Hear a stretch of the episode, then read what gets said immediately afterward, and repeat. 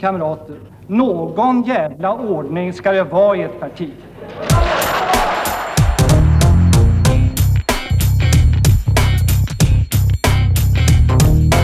Ja, skiter björnar i skogen? Frågetecken höll jag på att säga. Eh,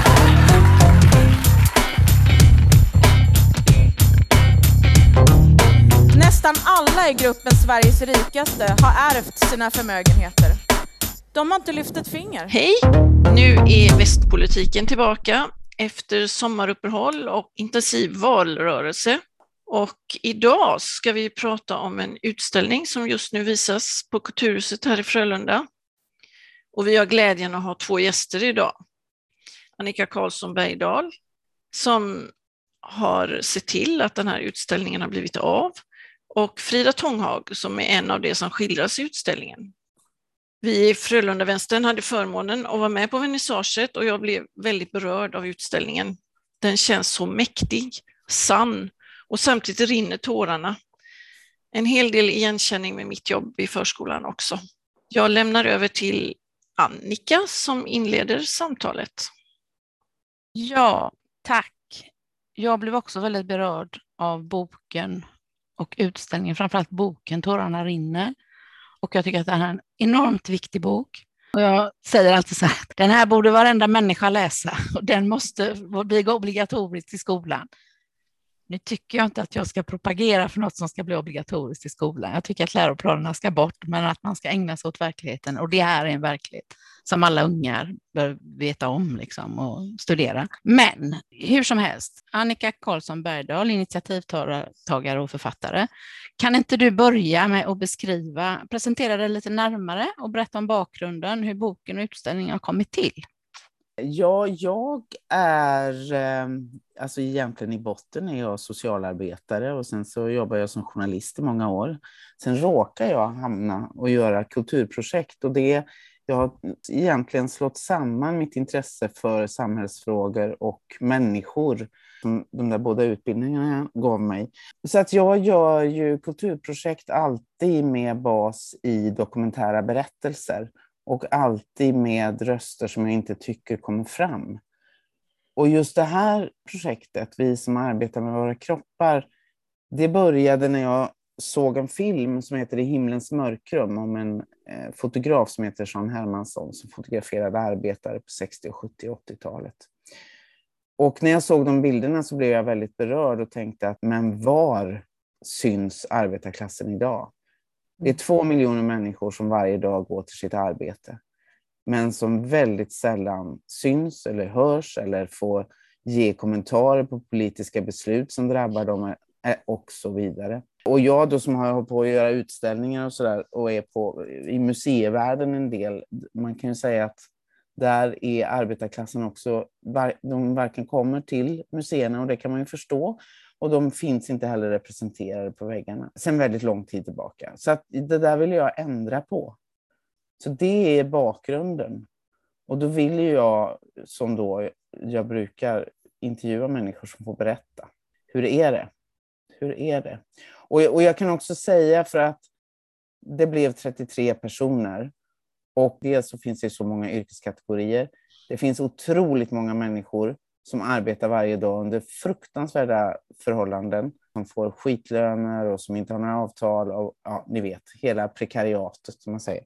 Och jag hade först tänkt att de också skulle komma med, men då växte det och blev så oerhört stort. Så istället blev det mer av traditionell arbetarklass med trygga anställningar eller med anställningar. Och hur ser det ut och hur de villkoren förändrats? Eh, och så lite, vi pratar så lite om arbete. Vi pratar så lite om kroppsarbete. Alltså, arbete för väldigt många det är liksom att sitta på ett kontor, tror vi. Och, så att jag vill också, vad gör man på jobbet? Hur är det? Hur känns det i kroppen? Ja. Så att det blev det. Så jag ser dessa 33 personer i princip som några förebilder som vi, många, många kan känna igen sig i. När jag fick idén då att jag ville att, att arbetarklassen ska bli synlig och ta plats i det offentliga rummet, och då är det ju oerhört viktigt med eh, fotografi. Och det var ju just Jean Hermanssons bilder som jag blev berörd av. Det var ju bilden av arbetaren. Så att jag ringde i ett väldigt tidigt skede Elisabeth Olsson. Vi har jobbat eh, tillsammans många gånger förut och vi är dessutom, vi känner varandra sedan vi gick faktiskt på gymnasiet ihop. Så att vi har suttit och eh, svurit över både det ena och det andra och politiska läger, redan 70-talet. Men så att hon kändes väldigt given. Så att eh, då hade jag henne och sen så handlade det om att hitta finansiering för det här projektet. Så vi gjorde väldigt tidigt ett prospekt, eller jag gjorde ett prospekt för att kunna söka pengar. Och sen så gjorde jag det. Frida Tånghag, du är ju inte bara kock och med i boken och utställningen, utan du är också politiker här i Göteborg. Ledamot, i, ja, ledamot i kommunfullmäktige ja. och sitter i socialnämnd Nordost, också kandiderade till riksdagen för Vänsterpartiet. Det kan man mm. väl ändå få säga, även om vi nu kanske är i ett litet prekärt läge efter valutgången. Men du kan väl också berätta eh, om hur du kom in i den här utställningen och varför du är med i boken och porträtteras. Och du kanske kan läsa något ur ditt porträtt? Det kan jag absolut göra. Jag kom väl in i boken, det var en av mina för detta kollegor som började jobba för ABF som ringde och frågade om jag, om, då informerade om det här projektet. Ja, ah, men det är på gång ett projekt och det ska bli en bok och vi porträtterar arbetare och då vore det kul att ha med en kvinnlig kock. Och kan du tänka dig att vara med i det? Och då sa jag, ja absolut, du kan ju tipsa om mig så ser, så ser vi. Och så fick jag vara med. Och så kom jag i kontakt med Annika och Elisabeth Olsson då. Och det svåra var väl att det var mitt under pandemin. Så att då skulle vi få till ett möte och en fotografering. Ja, det var, lite, det var inte helt lätt att rodda. Så, men vi fick ihop det till mm. slut. Sen hade jag ingen aning om hur stort det skulle bli. Det blev, lite större än vad jag hade tänkt. Eh, och det tänker nog Annika också, för mm. att eh, Göteborgs stad köpte in delar av utställningen och den har liksom fått ett eget, ett eget liv, vilket är fantastiskt. För det bekräftar ju bara behovet av det här som vi, som vi ser i utställningen och i boken som är. Du, du kanske kan kommentera, Annika, just med pandemin, vad det har betytt? Precis, det betyder ju jättemycket. Alltså vi, jag hade ju gjort några intervjuer till prospektet. Alltså Malin mm. har blivit vår största ansikte utåt, Malin mm. undersköterska i Göteborg, Malin Wegge. Henne hade jag intervjuat innan. Sen fick jag göra en ny intervju, men det gjorde jag ju redan hösten 18. Och sen några till, lastbilschauffören och så. Men sen när vi väl då hade fått finansiering, det beslutet kom januari 20, då började jag boka upp mig och som tur var så gjorde vi en resa till eh, Kiruna, Luleå och Boden. Och då flög vi upp och det gjorde vi 8 mars. Och vi åkte ner den 11 mars till Stockholm. Eh, och då, det hade ju börjat, alltså när vi kom upp där till Gällivare så fanns det inte en, ingen handsprit någonstans. Redan andra morgonen så helt plötsligt så stod det handsprit överallt. På flygplanet till Stockholm så var det fullt med folk som hade börjat med munskydd. Och vi mm. skulle ha ett möte, för det här gick ju ABF in med pengar och LO och så. så vi skulle ha ett möte på LO-borgen. Och då var det så här, ingen tog i hand. Och jag skulle göra en intervju med någon som jobbar i hemtjänsten i Stockholm. Mm. Hon hade fått corona, alltså dagen efter det, 12 mars eller 13. Och sen var det en lokförare där uppe också. Men det, de hade så stränga restriktioner så det gick inte. Så att därför är det här projektet, finns faktiskt ingen i Stockholm. För sen ja, så började vi göra liksom i Västra Götaland och bla bla bla, och till Skåne och sen skulle vi göra ett nytt försök i Stockholm, men då blev det en ny våg så det gick inte. Så det blev aldrig någon i Stockholm. Så det är lite komiskt. Och sen, jag skulle ju varit på andra ställen i landet också. Och det här drabbar ju också fotograferingen, för att Elisabeth hade ju först tanken att hon verkligen skulle göra lite som arbetsplatsreportage, man säger. alltså att visa människor i arbete. Mm. Och liksom den känslan. Men det var ju väldigt, väldigt svårt. Nu är jag otroligt förtjust i helkroppsporträtt. Och just det här att ni står där i era arbetskläder, jag tycker det blir så jäkla mäktigt. Det tycker Elisabeth också nu. Men det var verkligen, nej vad fan, vi kan inte gå in på liksom arbetsplatserna. Och sen så kom vi ju in på några och så, men sen är det svårt överhuvudtaget och det kan ju Elisabeth berätta väldigt mycket om. Hur man har ögonen på sig väldigt mycket mer idag än om vi backar eh, något decennium. Mm. Sen på utställningen så finns det ju ett bildspel med några som arbetar. Så man ser målaren när hon upp och ner på stegen och elektrikern och några till. Och han som jobbar på sågverket som står där liksom bara sådär väldigt mycket bara rutiner. Men det var väldigt viktigt. Men det, var, det blev lite för lite av kan man säga då. Så att vi var jättepåverkade av pandemin. Och jag, vi har inte heller någon, jag skulle åka till Öland, hade jag just en kille som var barnskötare på förskola. Jag skulle åka till Värmland och så. Men det så blev, var ju den här reserestriktionerna och så, Mm. som ju höll i sig ganska länge. Så därför så blev det väldigt påverkat ändå av pandemin. Och jag vet ju hur, alltså, hur det var på, på min arbetsplats i och med att jag jobbar på, på hotell och restaurang. Och då skulle man ju gå in i en verksamhet som var nedstängd. Mm. För på den tiden jobbade jag på stora banketter och allt blev ju avbokat från en dag till nästa. Mm. Vi hade ju bara middagar som var över 400 personer. Det var det vi gjorde. så att, Ja, det är så jävla konstigt. Så Så det är det så- över en natt. Ja, Det och bara- eh, vi blev permitterade så vi jobbade 40 procent. Nu behöll vi stora delar av vår lön, men det, det slog ju direkt. Jag är ju väldigt tacksam för det stödpaketet som, som kom där, men jag har ju så många kollegor som förlorade jobbet. Där ser man ju alla osäkra anställningar. Och det är ju också så svårt, för det adresserar jag ju i boken, för det är ju helt omöjligt att inte nämna det, att hur snabbt pandemin slog och att vi befann oss mitt i pandemin när det pågick. Ja, och det var ju otroligt för att det var ju 16 mars redan jag träffade dig. Mm. Och det var ju dött då. Ni hade ju fått alla de här avbok. Det hade ju precis börjat. Det var otroligt. Jag kommer ihåg när vi satt i en lång... Och så skulle man ju hålla avstånd. Det, var ju Mm. också, det är också väldigt konstigt när man intervjuar människor och ska sitta väldigt långt ifrån varandra och, och ändå försöka få någon kontakt. Och få, jag, men, jag vill ju beröra människor och då måste man ju få kontakt och så sitter man på flera meters avstånd. Mm. Och vi, jag kommer ihåg vi satt i en korri- helt folktom korridor. Det fanns inte en människa på Svenska mässan. Nej, det var många sådana faktiskt. Jag kommer ihåg hamnarbetaren. Vi satt också i en jättetom, stor lokal. Väldigt långt ifrån. Väldigt olika. Vi i förskolan fick ju bara jobba på och det var nu sista i våras. Alltså vi höll oss ganska mycket på benen men i våras var alla som jobbar i förskolan sjuka och vi fick jobba med så för lite personal och verkligen utmattade efter den här våren. Mm. Så det är verkligen olika. Vi skulle ju vara där hela tiden. Precis. Och också det här med pandemin, för att det har blivit en stor besvikelse efteråt, för under pandemin så kände man ju att ja, men nu, nu ser man vilka som är nödvändiga för att samhället ska bära sig. Liksom.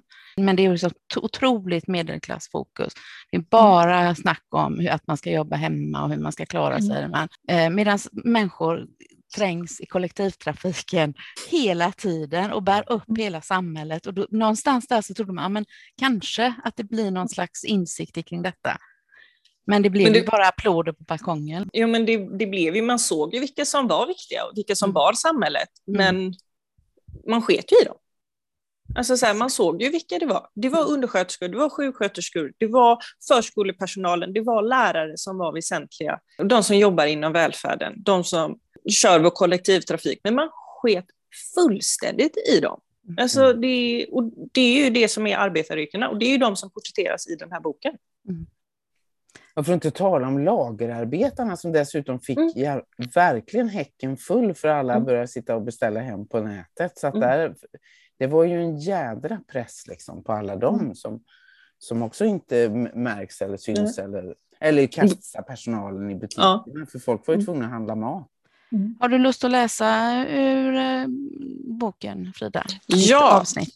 Ja, Någonting. jag har, lite, jag har två citat som jag tänkte jag skulle sätta ihop lite grann. Mm. Eh, och det, det tangerar ju det här med, med klass, för att jag är arbetarklass och jag är uppvuxen arbetarklass och jag är stolt över det. Så att eh, jag kommer läsa två bitar och sen så kom, kan jag, kommer jag förklara lite, lite runt det. Så det första är ju att jag kommer från arbetarklass. Pappa är kyltekniker och mamma är undersköterska. Jag vill gå en yrkesutbildning på gymnasiet. Det råkade bli hotell och restaurang. Så att det är egentligen det första som jag tänkte nämna. Och det är ju för att lyfta min, min bakgrund. Jag ville ha en utbildning, jag ville ha ett jobb. Och jag kom från en familj där man jobbade. Och nu ska vi se vart nästa är. Många gånger har jag funderat på att lämna branschen. Jag har pluggat sjöfart på Chalmers ett år. Jag har provat att arbeta med schemaläggning. Men jag kommer alltid tillbaka. Trots allt gillar jag branschen. Gillar jobbet. Jag vet vad, vad, vad som är bra och dåliga produkter. Jag kan jobba i högt tempo. Jag har tillräckligt mycket erfarenhet för att veta att planering är viktigt. Och jag kan laga god mat. Så det är väl egentligen de jag vill väva ihop. För det ena är ju en stolthet över vart jag kommer ifrån och min uppväxt och också vilka mina föräldrar är. Men nästa steg är ju också en stolthet i mitt yrke, att jag är kock. Det är en slump att jag blev kock, men jag ville bli kock när jag väl kom in på det. Frida, 15 år, som klev in på gymnasiet, bestämde sig ganska fort för att jag vill bli kock och jag vill bli en duktig kock. Och det blev jag. Och det är jag stolt att jag kan säga. Men jag har inget behov och har aldrig haft ett behov av att göra den här klassresan som är så viktigt och som vi, när vi pratar om det här med arbetarklass och kontorsjobb och medelklass och pandemin, så det har aldrig känts aktuellt för mig. Utan jag är, jag är stolt där jag är och jag är nöjd där jag är. Sen kan man alltid komma vidare, men eh, det är få saker som jag är så stolt över som att vara arbetarklass.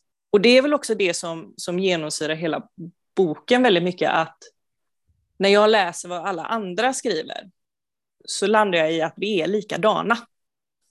För vi är arbetarklass ihop och vi har samma mentalitet och vi gör i grunden samma jobb, fast inom olika områden och inom olika branscher. Men vi är samma eh, och vi är arbetarklass och det, det genomsyrar hela boken och man måste våga säga det. Och man måste våga prata om att vara arbetarklass. Det var väl lite det. Sen, men jag tänkte jag skulle läsa ett annat citat också, för att knyta ihop till, någon, till, till den utvecklingen vi egentligen behöver se och det som tangerar mest vad, vad arbetarklassen behöver. Och då är det Amira som är butiksbiträde i Gävle. Hon säger Sex timmars arbetsdag är en dröm. Smärtorna skulle lindras och jag skulle få mer tid till familjen. Och det summerar för mig väldigt, väldigt mycket vad som behövs för arbetarklassen. Det behövs en arbetstidsreform och arbetet behöver bli hållbart för att det är så pass tungt både fysiskt och psykiskt. Och det framgår också i boken och eh, jag tycker bara det är så fantastiskt av Annika att hon lyfter det på, i de dimensionerna som hon gör. Ja, jag blir rörd. Men mm. jag tycker verkligen att det är Alltså det här med sex timmars arbetsdag som väldigt få politiker pratar om högt idag. Och jag menar i valrörelsen har det varit noll mer än Vänsterpartiet i Göteborg. Men alltså på riksplanet har det varit extremt lite. Man vågar inte säga arbetstidsförkortning för då blir ju liksom näringslivet så nervösa. Men det är ju väldigt många. Malin, undersköterska, vården, alltså sex timmar. Eh, Koffi som är lagerarbetare, han föreslår också sex timmar. Alltså det är väldigt många. Det är genomgående. Mm. för att kropparna ska hålla. Och det där, det tycker jag är så himla viktigt. Men som du säger Frida, du börjar på din gymnasieutbildning 15 och ska bli 16 och så går man ut i praktik ganska tidigt och man börjar arbeta så mycket tidigare med sin kropp än vad man gör när man är en akademiker som kanske håller på i tio år och sitter på sin stol och sen fortsätter att sitta. Men alltså här börjar man arbeta med kroppen så tidigt. Så att det är också hela tiden det här när vi pratar om höjd pension, för att det är också det är också på tal om det här med sex timmars arbetsdag, ja. Och att inte höja pensionsåldern, det är ju helt sjukt. Alltså då får man hitta andra sysslor. Jag vet att eh, Silvana Wretowska, hon, hon föreslog just att för att det är så många som blir utslitna och som och får så ont i sina kroppar och så köps de ut av Göteborgs kommun. Att använd dem till mentorer. Alltså tänk vilka fantastiska, all den erfarenheten man har samlat på sig, all den erfarenheten som man kan, inte kan läsa sig till, men som man kan överföra liksom, genom att gå bredvid eller genom att alltså, berätta om. Och, alltså, det finns så mycket som man skulle kunna göra på ett annat sätt. För att inte, och sen arbetsmiljöerna liksom, som är... Men, men jag har tänkt på en sak, på tal om det här med att det borde vara sex timmars arbetsdag och att, hur arbetsmiljön ser ut. För jag har nu gjort en uppföljare där jag intervjuat nio stycken pensionärer som också har varit kroppsarbetare. Och det är så himla stor skillnad. Alltså, alla har upplevt när stressen kom. Alltså att när de börjar sitt yrkesliv, Jobbar man som kassörska i en ICA-butik, ja men man fick gå och fika med sina kompisar, man fick sitta ner och ägaren bjöd på kaffedopp och, och det ena med det tredje och det var liksom mysigt och trevligt. Och sen så byts ägare och så ökar effektiviteten. Ulla-Karin som har jobbat inom, eh, på hospice på Bräcke diakoni i 40 eh, år eller 30 år eller vad det nu är. Hon sa i början, alltså, alltså allt det där att sitta och prata och efter, efter arbetsdagen är slut eller att det ingick mm. i arbetsdagen, hur man mår, hur man känner sig och bla bla bla och vad man har upplevt och så. Det är också borta. Det är bortrationaliserat. Alltså stressen och effektiviteten, hela den här jädra New Public Management har ju mm. trängt in i varenda, vartenda litet vrå i, i arbetslivet. Liksom, som är så tokigt och det gör så illa vid människor. Mm. Så det är ju en stor arbetsmiljöfråga skulle jag säga. Och i synnerhet då när man arbetar med sin kropp. Men, och där, där vet jag ju också, precis som du säger, när man börjar jobba 15-16 års ålder. Och nu har ju min bransch blivit bättre. Men jag har med, nämligen med ett annat citat som jag ändå tänker att jag ska väva in här lite bra nu när det passade. Men branschen är stressigt och det är tungt. Branschen är extrem. Det är inte ovanligt än att, att man förväntas jobba 16 timmar i sträck. Och det är ju den sanningen jag klev in i. Sen finns inte den sanningen kvar i samma utsträckning, men den finns där. Mm. Har det blivit bättre alltså? Av vad jag har sett så har det blivit bättre, men det är helt individuellt om du har en seriös arbetsgivare eller inte. Det är det det handlar om. Har du en seriös Mer tur att du har hamnat på ett bättre jobb nu eller? Jag har aktivt valt det. Ja. ja. Jag har aktivt valt att jobba där jag jobbar för att jag behöver ha en bättre arbetsmiljö. Mm. Jag märker i förskolan, så de som kommer in som unga blir ju ganska många som slutar direkt eller blir utslagna direkt för att mm. vi som har jobbat länge, vi har ändå kanske startat när det var lite lugnare och mm. därmed skaffat sig erfarenhet och kunskaper på något sätt så att vi kan hantera det på ett annat sätt. Men kommer man in som ny då mm. så måste man ju ha lite tid på sig att lära sig jobbet. Men den tiden finns inte. Så många slutar ju väldigt fort. Jag tänkte apropå det här med det stressade samhället och också som är alltså den här att man in, inte har någon tilltro längre heller, utan att det finns en misstänksamhet gentemot sina, mot löntagarna och mot arbetarna. Mm. Johan som då jobbar i hamnen, som alltid har trivts och också varit extremt stolt som hamnarbetare och var med i hamnarbetarfyran och allt det här. Han säger så här, arbetsgivaren har börjat med ny ledarstil. De har satt upp övervakningskameror och anställt fler supervisor som fungerar som vakthundar. Systematiskt kallas vi upp på andra våningen där cheferna sitter för samtal och varningar. När vi har åsikter som inte rimmar med bolaget kan de säga det finns många på utsidan som vill ha ditt jobb. Ledningen har noll tillit och man får känslan av att de vill skrämma oss, göra oss otrygga. Som om vi är fiender istället för medarbetare och resurs. Alltså det är fruktansvärt. Verkligen. Och så liksom, han säger att det är första gången i sitt liv som han har börjat tänka på att han ska byta jobb. Han trivs jättebra med jobbet. Och det är ju det också som du också så tydligt visar Frida, att det här är ju också så oerhört viktigt att det är så många som har valt sitt jobb och trivs med sitt jobb. Men det är villkoren som är pissiga liksom. Och det är ju saker och ting som går att förändra. Men att man faktiskt har valt att göra det man, man vill vara bagare eller kock eller busschaufför eller undersköterska. Det säger Malin också. Hon har varit stolt från dag ett. Hon började när hon var 19 på ett demensboende. Nu är hon 36. Hon trivs lika bra på samma ställe. Mm. För det är också det här, man ska byta och man ska, liksom, och man ska vidare, vidare, vidare. Mm. Det finns massor med människor som trivs med det de gör. Och det såg jag så tydligt i min mamma, för hon är utbildad undersköterska. Nu jobbar hon främst bara med, med barn. Men det var ju så här, hon skulle bli, det var så mycket att man skulle utbilda sig till sjuksköterska mm, och, och hela, hela den biten. Och då sa hon bara, men jag vill inte göra det jobbet. Nej. Jag vill träffa patienterna. Jag vill vara närvarande. Jag vill inte sitta med papper. Och hon har jobbat hela sitt, alltså, hela sitt yrkesliv som det. Och att liksom bara fått se henne och hur stolt hon har varit i sitt jobb. Mm. Det har ju varit en, vad ska man säga? Det är väl ingenting jag aktivt reflekterat över då. Men jag har ju förstått nu vilken påverkan det har, vilken positiv påverkan det har haft av mig. Mm. Att veta att man måste inte utbilda sig, man måste inte, man får vara precis den man är. Men, men det måste ju vara något, alltså, där faktiskt då både, ja, framförallt sossarna kanske, men även vänstern, alltså att det var så viktigt att få göra klassresan och den, Mm. den ska ju vara möjlig om man så vill. Mm. Man ska inte behöva vara vid sin läst, men man Mm. blir så förälskad i den där klassresan så att man såg inte det andra. Så att jag tror att Mm.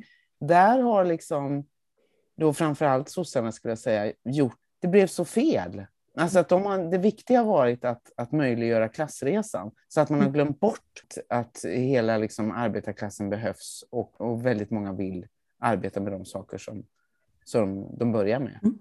Men att, att jag tror att man liksom i ivern att alla skulle få göra en klassresa och ha rätt till utbildning, så glömde man bort det här. Och jag, det är precis så som du säger. Jag menar, jag har känt så många gånger under, alltså under de åren jag jobbat som kock att nej, men jag borde utbilda mig Mm. till något. Alltså för sakens skull. För att det var Mm. någonting, alltså man bara skulle göra det. Mm. Och sen bara så här, vill jag det?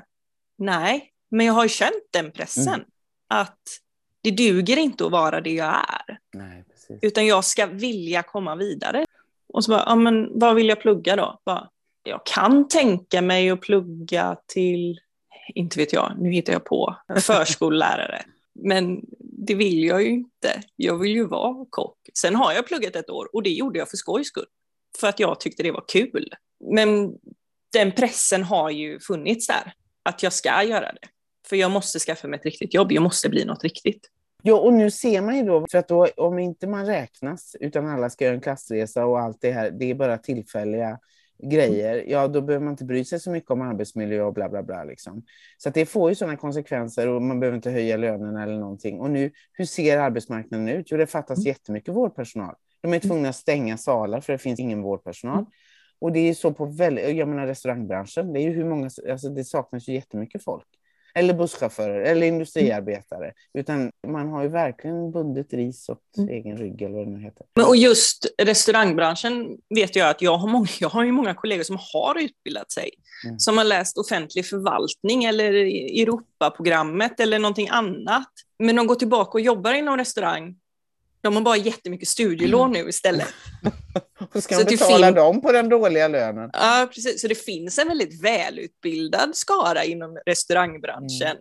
Men som har pluggat för pluggandets skull. Men sen var det inte det de ville bli. Det känner jag att nu är det på sin plats här kanske att ta upp Stefan Löfvens avskedstal Mm. som partiledare.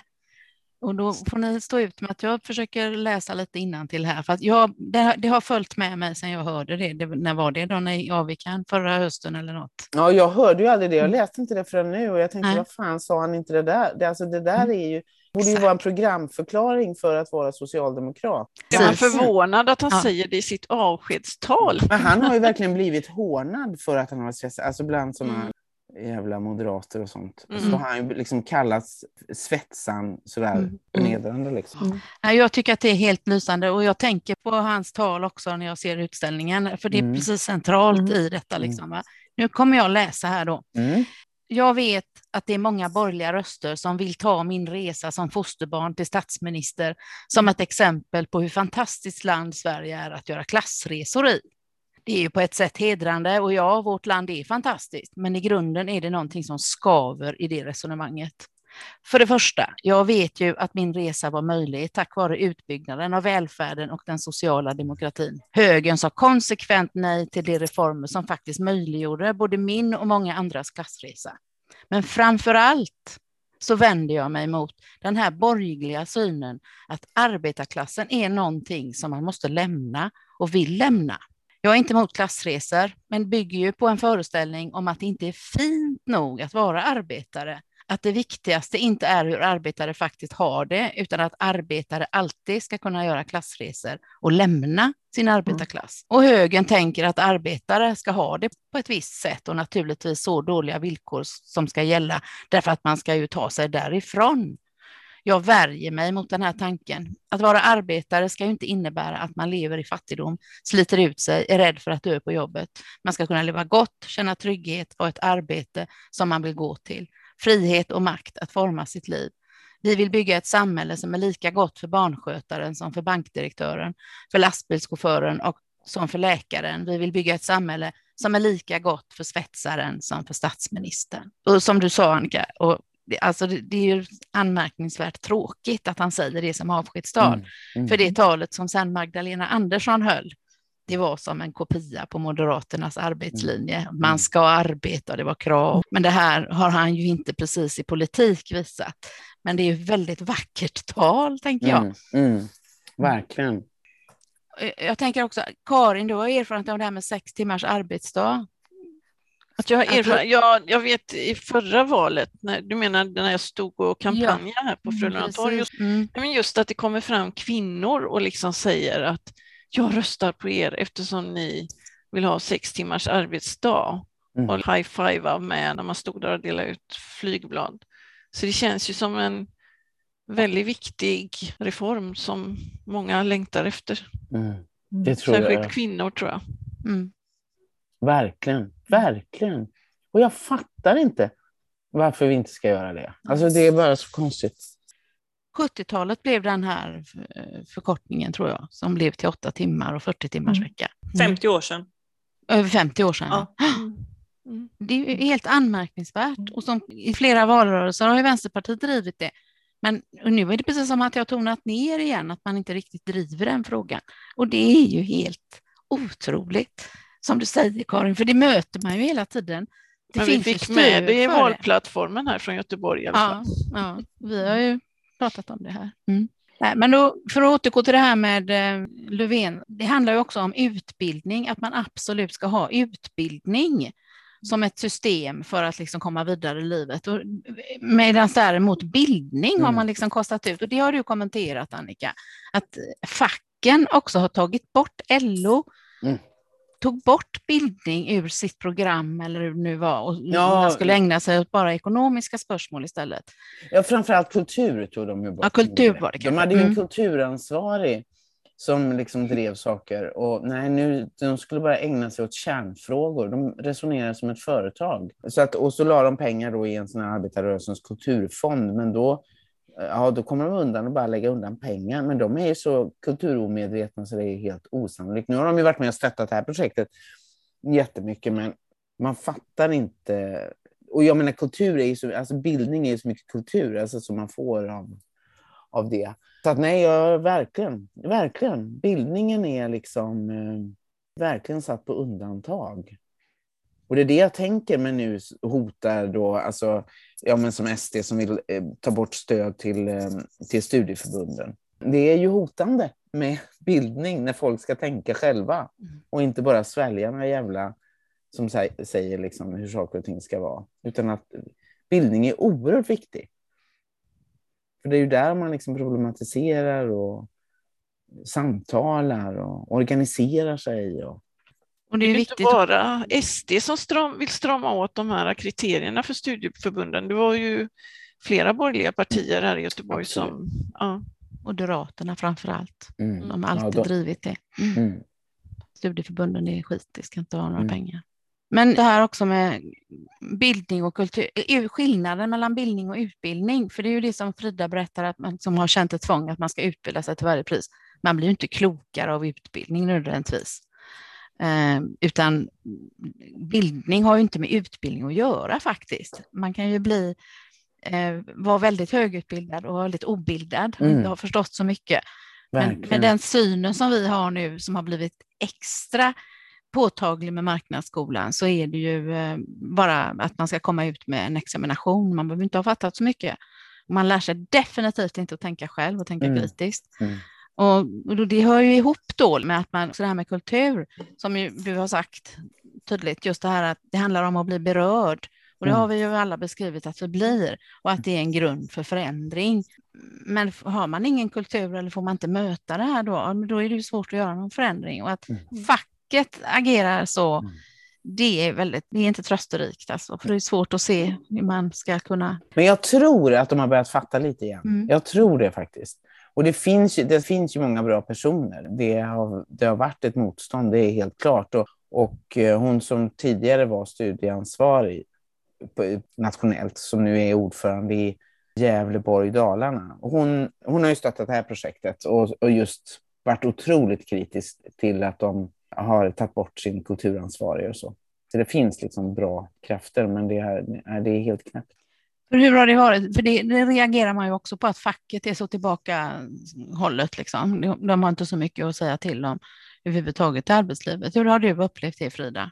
Jag kommer från en bransch med extremt svag fackförening. Mm. Väldigt, väldigt, man är väldigt, väldigt begränsad och det är ju andra skälet till att jag har valt min arbetsgivare för att vi har en stark facklig förankring. Och jag är ju också fackligt aktiv. Sen är jag politiskt engagerad först. Men det kan jag ju säga, det är ju ett hinder eh, inom min fackförening att jag är vänsterpartist och att jag inte är socialdemokrat. Mm. Och det är för att jag kommer från ett litet fackförbund som är extremt beroende av LO. Men det är också extremt maktcentraliserat och mm. jag kommer inte kunna göra, alltså jag säger inte att jag ska göra det, men jag har slått i ett glastak. Jag kommer aldrig kunna göra facklig karriär på grund av min politiska åsikt. Jag har fel åsikter för att kunna företräda mitt fackförbund. Men jag är väldigt, väldigt lämpad att göra det. Men, och det, har, det är ju saker jag har hört. Alltså jag, jag har varit på fackliga utbildningar där föreläsarna har sagt bara så här, ja men du vet, du kan komma långt bara du tonar ner ditt politiska engagemang. Mm. Och jag bara, det här är ju helt absurt. Alltså, så här, jag tror inte på den politiken. Och jag kan inte vara någon annan än jag är. Och samtidigt vet jag också att jag har många vänner som är aktiva inom andra förbund som är vänster men som går med och driver Socialdemokraternas politik för att de ska kunna ha kvar sina fackliga uppdrag. Det är en sanning. Och det är därför som kommunalvänstern har bildats, bland annat. Mm. Ja, vi fick ju lyssna igår där och sa ju att man håller ju hemligt att man är vänsterpartist mm. för att inte bli av med sina fackliga uppdrag i kommunal. Nej, nej, men det har jag stött på när, när vi har föreläst, för, för det var jättemycket sådana digitala föreläsningar och då gjorde jag det bland annat tillsammans med Jonte som jobbar på ABF eh, Gävleborg. Vänsterpartiet är ju en medlemsorganisation i ABF. Mm. Och jag, jag pratar ju inte liksom eh, partipolitik när jag är, eh, för det skulle bara liksom sabba. Och men då, då sa ju, då beskrev Jonte att ja, vi, håller ju, vi samarbetar ju med bla bla bla och med Vänsterpartiet. Då, då är det vissa sossar som bara, de bara stelnar. Va? Vänsterpartiet? Ja, men det är vår medlemsorganisation, säger ABF. Alltså, så att det, det, finns hos jättemånga sossar. Och, och det, han, han som var, reagerar så himla starkt, han sitter som studieansvarig i hela Småland, Blekinge för LO. Liksom. Så att han ska verkligen inte ha den attityden. Och ska vi vara kompisar? Alltså, hur ska vi nå en förändring om vi ska hålla på så där med sådana som är våra kamrater? Och som har samma värdegrund. Liksom. Men jag har ju haft en, en facklig kamrat eller kollega som förvisso också är en av mina bättre vänner som har liksom fått från förbundsstyrelsen att ja, men du vet att det är uteslutningsärende på det där i ett telefonsamtal. Och jag bara så här, vadå hotar du med uteslutning? Det var inte jag som fick det, men då är det så här, det låter ju väldigt mycket som ett hot att nu var det, det var någonting att, att jag hade pratat med proletären så det blir ju ännu roligare att jag pratar med proletären och sen så får någon annan en utskällning. Så att, eh, men det är ju verkligen det bara, men det där var ju ett hot. Men uteslut mig då. Alltså, mm. vad ska alltså gör det då. Ja, visst, och så befolkas de av SD istället. Utställningen har underrubriken om villkor om klass och värdighet. Mm. Och vi har väl berört det mesta av det. Men mm. eh, Annika, vill du skulle läsa lite mer? Plocka upp någonting som passar mm. in under någon rubrik som mm. inte riktigt mm. har berört. Vi kan ta Tural då, som är, ändå är göteborgare, som säger att vi i arbetarklassen bär jorden på våra axlar. Det finns ingenting som är byggt, konstruerat, producerat i den här världen som inte arbetarklassen har gjort. Samhället kan överleva utan ledning ett tag, men inte utan oss en enda dag. Det måste vi vara stolta över. Klasstillhörigheten illustrerar vem jag är och var jag befinner mig i samhället. När man väl vet vem man är och vad man är i samhället står man på stabil grund. Utgångspunkten för all konstruktion, oavsett om man vill bygga ett hus eller en arbetarrörelse, är stabil grund. Mm, vackert, ja. Jo, sen är det ju också väldigt roligt med Kuala som är, jag är glad varje gång jag ser en brandman. Han kan utföra sitt arbete tack vare att vi har tvättat hans utrustning. Hur ska läkaren kunna operera utan ren rock? Hotellstäderskan bäddar rent om inte vi har tvättat lakanen. Vi tvättar skitiga arbetskläder, men vi gör inget skitjobb. Vi levererar dagligen rena, prydliga kläder till alla våra viktiga samhällsfunktioner. Jag är stolt över jobbet vi utför. Fint. Det är bra grejer. Det är bra. Hon säger faktiskt också det här. Jag läser mycket och blir inspirerad och känner igen mig i arbetarförfattare som speglar arbetet på golvet. De beskriver vår verklighet. LOs ledning har tappat en av kärnfrågorna, bildning. Och bildning får vi genom kulturen. Vårt viktiga jobb speglas till exempel i böcker av våra arbetarförfattare. Tack vare kulturen kan våra arbetsinsatser lyftas, leda till samtal och vilja att förändra. Det är bra. Och på tal om eh, bildning, och det finns ju väldigt mycket studiematerial som ABF har tagit fram kring utställningen som ligger på nätet som man kan ta del av. Det jag är lite nyfiken på nu när ni är på Frölunda, hur har ni anpassat utställningen? För det är ju en vandringsutställning som har varit runt i hela Sverige och kommer fortsätta mm. att vandra. Mm. Hur, hur anpassar ni efter Frölunda eller efter Göteborg när ni är här? I...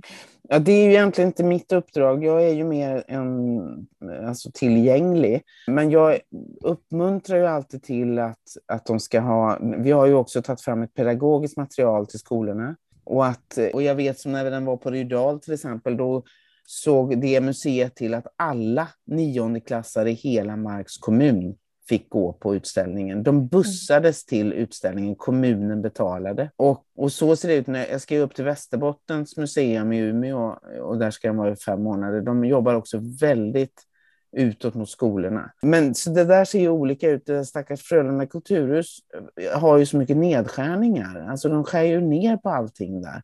Men Britta och Per de skulle ju skicka ut till skolorna till exempel. Sen är det också LO, hur aktiva de är. För att de kan ju också ha studiecirklar och ha utställningen som utgångspunkt.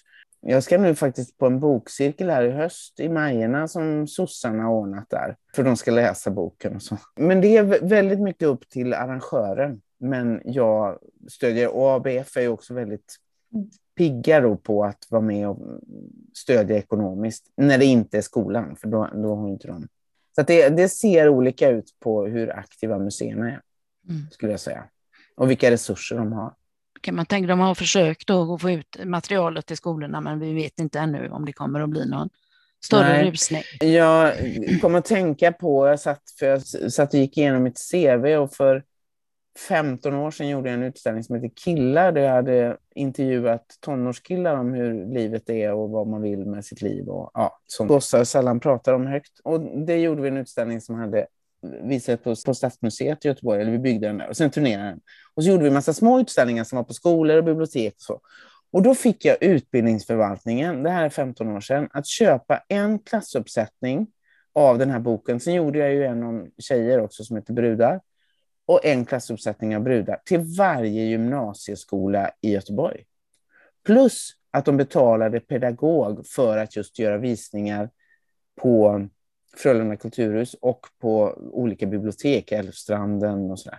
Men jag tror inte riktigt att jag skulle få igenom det nu. Nej, det skulle du garanterat inte få igenom nu. Nej. Det satsas och, ju ingenting.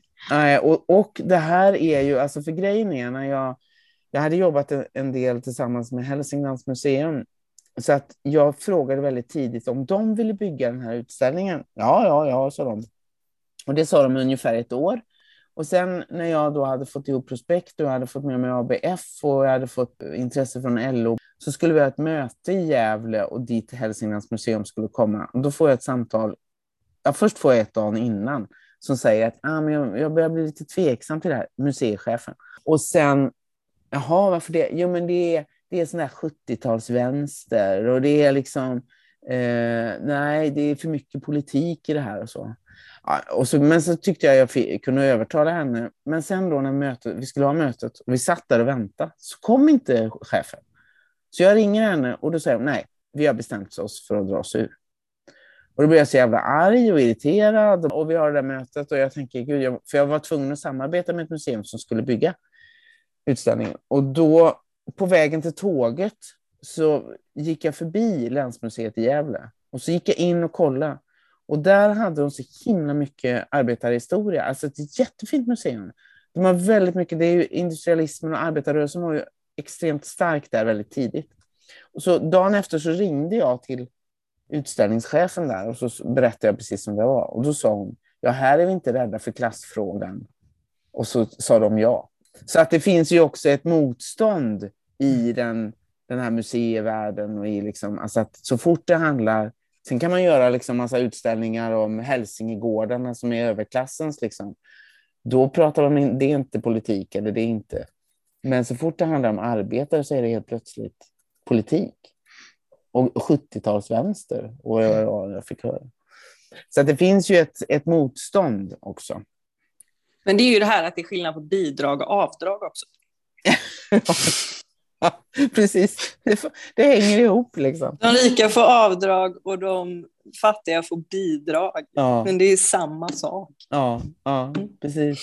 Mm. Nej, så att det finns mycket där. Intressant att arbetarklassen anses att den finns, att det nästan är provokativt. Mm. Att man säger mm. att de finns. Mm. Eller visar. Precis, precis. Mm. Och det är ju någonting också som man kan lyfta i boken, är att det är så många i boken som ska finnas men inte synas. Mm. Alltså alla de som jobbar på tvätteri, lagerarbetare, lokalvårdare, ja, men bagare. Alltså så här, vi ska, alltså, nu får ju kockar synas för det är tydligen häftigt. Mm. Men, men det är så många inom de här yrkena som aktivt inte ska synas. Alltså det, ska mm. bara, det ska bara vara rent, men man ska inte veta att det är en person som städar. Utan det ska bara hända. Liksom. Mm. Verkligen. Ja. Så det... det... finns ju ett jättestort osynliggörande. Och just att det är väldigt genomsyrande. Att det får inte synas. Men även i det fallet där det får synas, så tänkte jag, när jag läste boken så blev jag väldigt berörd av till exempel de här kassörskorna som sitter och blir taskigt bemötta. Mm. Jag har tänkt på det här också, bara en sån sak som att sätta streckkoden åt rätt håll.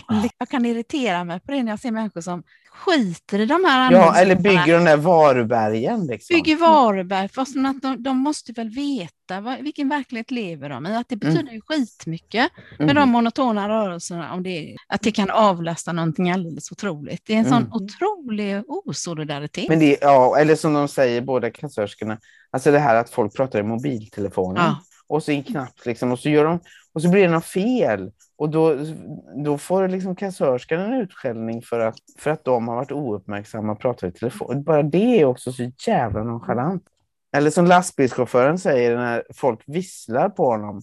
Och han säger, du, jag är ingen hund. Mm. Alltså det är ju, nej verkligen osynliggörande och förakt och visa makt. Eller det här som man, det får man ju faktiskt inte, det får man, har man väl aldrig fått göra, med att knäppa på restaurangpersonal. Knäppa med fingrarna. Det, det är inte acceptabelt längre. Då säger man ifrån. Mm. Det kan jag säga, det är inte acceptabelt längre. Där kan man ju se på ett starkt kollektiv, för där backar man varandra. Så jag hade senast en kollega som jobbar i baren, där det var en gäst som knäppte med fingrarna. Då sa han, här knäpper vi inte med fingrarna, så jag tänker inte servera dig. Så det är ingen annan som gjorde det heller. Gud vad bra. Men det är ju det, alltså, för det har jag också verkligen tänkt på. Det finns ju inget annat som arbetarklassen har än att gå samman och organisera sig. Det är liksom, det är allt annat är bullshit. Det är det, det, är det enda. Och det är ju det som är så hemskt då. Att liksom, men det är ju också en sån här borgerlig propaganda att man har gjort facket till någon jävla, alltså ta Centern, fack, fa, fack, facket eller vad fan det är de håller på med. Att det är ju också liksom för att slå undan benen och göra det, att det är mesigt liksom. Men jag menar, utan fackföreningsrörelse, alltså det, vad, vad, hur hade det sett ut då? Nej, det hade inte fungerat. Jag ser, men det är också den här nyliberala grejen att man, man faktiskt har lyckats slå sönder fackföreningsrörelsen mm. eller liksom så här, öppna upp för men en fackförening som, eller en, som jag säger, en intresseorganisation som Unionen till exempel, som mm. riktar sig till tjänstemän. Men de, många som är tjänstemän gör ju samma jobb som jag gör. Mm. Men då ingår vi inte i samma kollektiv. Och då blir vi svagare, då blir vi mm. splittrade. Liksom. Unionen är inte en fackförening, det är en intresseorganisation. Mm. Nej, och det, för jag menar, det var ju faktiskt därför välfärdsstaten växte fram, för att man lyckas få tjänstemän eller kontorsmänniskor att solidarisera sig med arbetarklassen och se att man har ganska lika villkor Mm. och att alla tjänar på att alla får det bättre. Mm. Men det är ju också splittrat. Mm. Det, och jag menar det, det är ju som Suonen säger alltså i den här klassboken, att det finns ju så mycket lägre tjänstemän som, som har pissvillkor liksom, och som borde solidarisera sig med arbetarklassen. Men alla ska ju vara medelklass. Men Bara det är även många arbetare själva. som säger att Mm. ja, och den tänker på sig själv. Det tycker jag att jag mötte även då på den studiecirkeln, att det är ingen som vill vara arbetarklass. Nu är det ju väldigt skönt att läsa de här om stoltheten och så som finns i boken. Möter man ju inte, det är ju också så osynliggjort, det möter man ju inte annars. Den där är det, arbetarklass vill man liksom inte vara. Och Men det är ju också mediebilden. Det, är ju Ja. den, den fin, det finns ju ett intresse av att ingen vill vara. För då kan man hålla lönerna nere. Då kan man, om ingen är stolt så kan man inte kräva något utan då står man där med mössan i hand och tackar. Alltså det är ju en bild att det är liksom 4 procent av arbetarklassen som är av all, alla jävla människor som är med i media. Det är, alltså det är ju helt sjukt. Det är ju helt knäppt. Mm. Och då kan man ju låtsas som det inte finns och då är det väldigt svårt att sticka upp och säga ja men jag är Men då är man politisk, som vi nämnde där förut. Och det, Mm. Jag tror att det har man haft så himla framgång i, att det är fult eller mesigt att vara fackligt aktiv eller politisk, att man har gjort det till en grej. Och jag tycker jag möter det, jag försöker engagera mig i miljörörelsen, att man inte är politisk. Nej, precis. Ja, men det är du berättar Frida, så är det som om att även fackföreningsrörelsen då är avpolitiserad om man Mm. inte är sosse. Ja, och där tänker jag, eller nu har väl, nu, nu får väl till och med jag erkänna att sossarna har gjort lite bra på kort tid. Det, de kommer inte så långt med det tyvärr. Men, men jag ser det som att LO måste ju bryta med Socialdemokraterna. Alltså LO kan inte vara Socialdemokraternas, vad kan man säga, Hang, hangarounds, kan man säga det? Eller farmarlag om man drar en fotbollsreferent. Utan LO måste bli en egen organisation. Och- Men samtidigt tror jag att LO behöver vara en organisation, men den måste bli egen. Den måste driva sin egen politik och medlemmarnas politik. Idag Mm. driver ju LO sossarnas politik. Mm. Konstigt faktiskt. Ja. Och jag kan ju säga det här för jag är politisk. Alltså så här, jag är politisk hela tiden liksom, och jag har en stark övertygelse i det. Jag menar, jag tyckte ju att eh, Kommunals ordförande Tobias Baudin var jättebra när han var Kommunals ordförande. Och vad fick han för det? Jo, en ganska bra framträdande sosse. Och det är ju kohandel. Alltså de har ju, de, han var problematisk, men han var sosse. Så då har de ju liksom löst ut honom med ett väldigt, väldigt välbetalt jobb. Alltså jag Mm. tänker säga att det är så korrupt mellan sossarna och LO. Och det har jag ju sett, det är ju som jag har sett själv.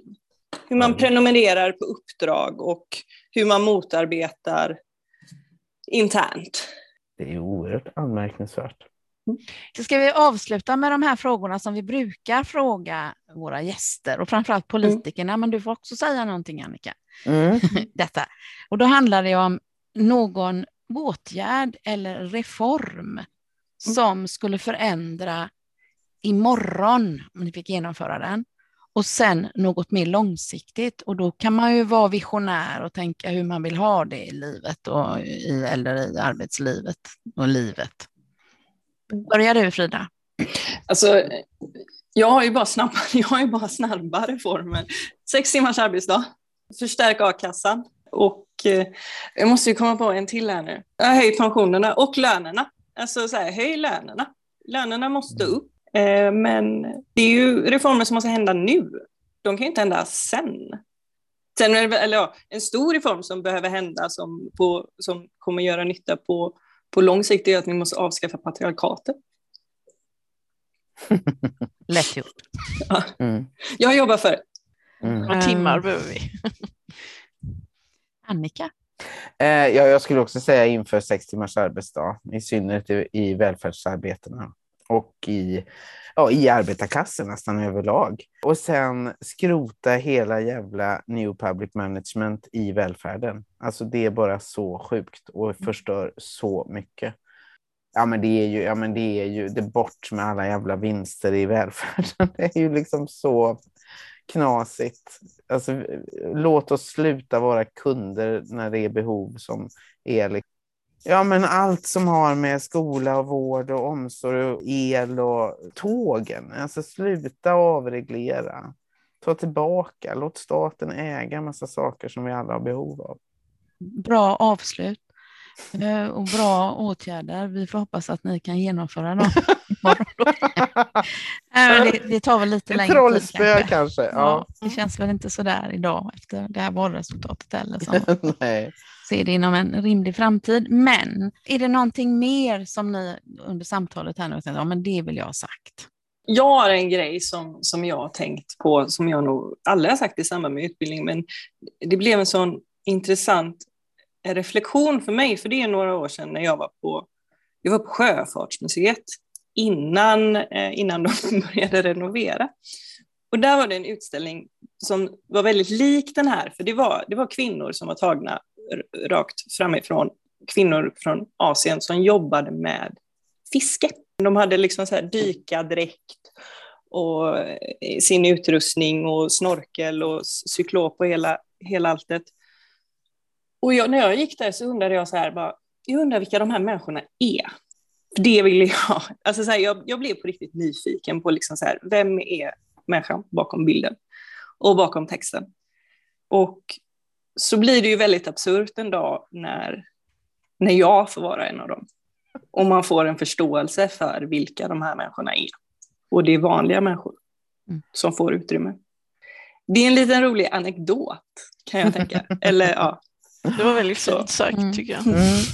Jättefint, verkligen. Annika, vill du tillföra något mer? Något du känner att... Eh, no, nej, nej, inte så. Alltså, det, jag är ju väldigt, väldigt glad för att jag till exempel får vara med här och att det ändå då när det här första museet sa nej, det här vill vi inte ta i så så är ju nu utställningen inbokad till och med april 2024 vi har 17 mindre utställningar som turnerar runt i Sverige. Vi har boken är tryckt i 8000 exemplar och börjar ta slut. Och det har gjorts mycket media. Och så det är väldigt, väldigt roligt och jag är väldigt, väldigt glad för det. Att det får ett genomslag. Och, och sen kan man ju hoppas att det kan börja gro saker i folk och att, de, att det kan hända saker utifrån. Men att i alla fall så verkar det som folk blir berörda. Jag är väldigt glad för det. Du sa att det skulle blivit för stort om du hade haft med de här prekariatet eller den här, de som jobbar inom gigekonomin. Är det någonting som du har lite som framtidsprojekt? Nej, egentligen så var det inte bara det att det skulle bli för stort, utan när man pratar om arbetarklassen på kultursidorna till exempel, då är det ofta prekariatet man talar om. Alltså det är de som är allra längst ner som vi, liksom, som vi absolut ska belysa.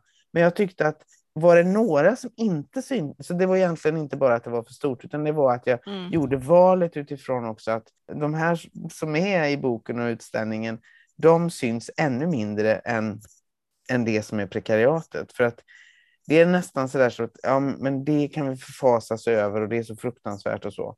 Men hela det här som vi har pratat om mycket, det här att människor som har ett arbetaryrke, som vill ha ett arbetaryrke, som tycker att det är ett intressant och bra och givande jobb och man är en del i hela maskineriet. De sakerna, det har verkligen inte formulerats. Så det var nog mer egentligen det. Sen så skulle mm. det, det, man ändå kunna haft med och det kunde stå emot varandra.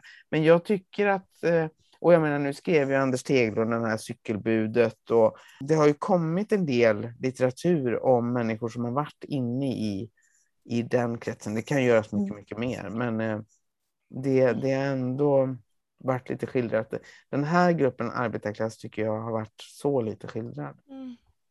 Så det, det, det var nog egentligen mer den, den anledningen. Men jag tycker det är så um, sympatiskt det här att du jobbar med röster som inte annars kommer fram. Mm. De får höras. Ja, nej, det är jag väldigt glad för. Och är det, är det en grupp som lite som vi var inne på här så är det faktiskt de här lägre tjänstemännen. Just mm. för att få upp ögonen för att vi borde solidarisera oss, tjänstemän och arbetarklass och så, och se att det är väldigt många som skulle tjäna på en helt, eller tjäna, kanske fel ord, men må mycket bättre av en helt annan politik. Så att ibland så skulle jag vilja eller har jag funderat på att de, de, den gruppen skulle jag vilja titta på. Så det kanske kommer så Alltså alla mina alltså, sådana här socialsekreterare, bibliotekarier, alltså de här som har urusla löner Mm. Och som är, är, pressade och stressade och bara en människa inom socialtjänsten idag, tänk så mycket mm. skit de får hela tiden. Och låga löner och, och, inte, och så viktiga eh, mm. personer. Mm. Lärare tänker jag också. Lärare. Mm. Ja, alltså det finns verkligen många grupper som man skulle Mm. Men det, och det vet nog både jag och Annika som sitter i socialnämnder, att eh, de som jobbar inom socialtjänsten, för det är där man skär ner först. Oh. Eh, men så är det ju ändå så här, ja, men, lagen säger ju att vi måste göra det här. Kraven kvarstår. Liksom. Jobbet måste göras, men man ska göra det för mindre pengar och mindre personal. Men vi har inte laglig rätt att säga nej. Vi har inte laglig rätt att inte göra det. Vi måste göra det här, men det blir inte gjort. Så det är ju nästan på väg att, alltså socialtjänsten är ju nästan på väg att bli rättsosäker. Det blir en mm. helt annan politisk debatt här. Det, det, är, ju, det är ju dit vi är på väg. Mm, mm. det tror jag Absolut, också. det känner jag verkligen igen. Mm. mm. Och där sitter alldeles för många med för dåligt självförtroende. Alltså snacka om att inte bli sedda positivt och jagade av media och av Uppdrag granskning och de gör bara fel och de tar barn. Alltså, eller, och liksom nya, hela partiet Nyans är ju liksom i princip grundat för att de, de menar att socialtjänsten tar barnen för dem. Alltså, de får ju skit från alla håll. Jag vill också göra så här. Anledning till, det är ju en av anledningarna till att vi vill att alla ska gå på den här utställningen och alla ska läsa boken det är ju att han är så himla bra och berör och är alla de här sakerna som jag diskuterat innan. Men, och sen tusen tack för att ni ville vara med och prata om detta, om utställningen. Så får vi se när det, när, när det blir något nytt poddavsnitt, Karin. Det vågar vi inte ja. lova. Det blir när det, vi har det i pipelinen. Ja. Vi har detta i pipelinen. Ja. Okej, okay, men tusen tack. Tack så mycket. Tack så mycket. Tack vi fick vara med. Och... Någon jävla ordning ska det vara i ett parti.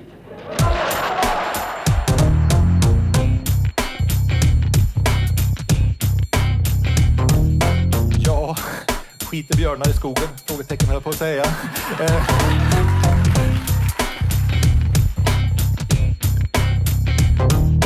Nästan alla i gruppen Sveriges rikaste har ärvt sina förmögenheter.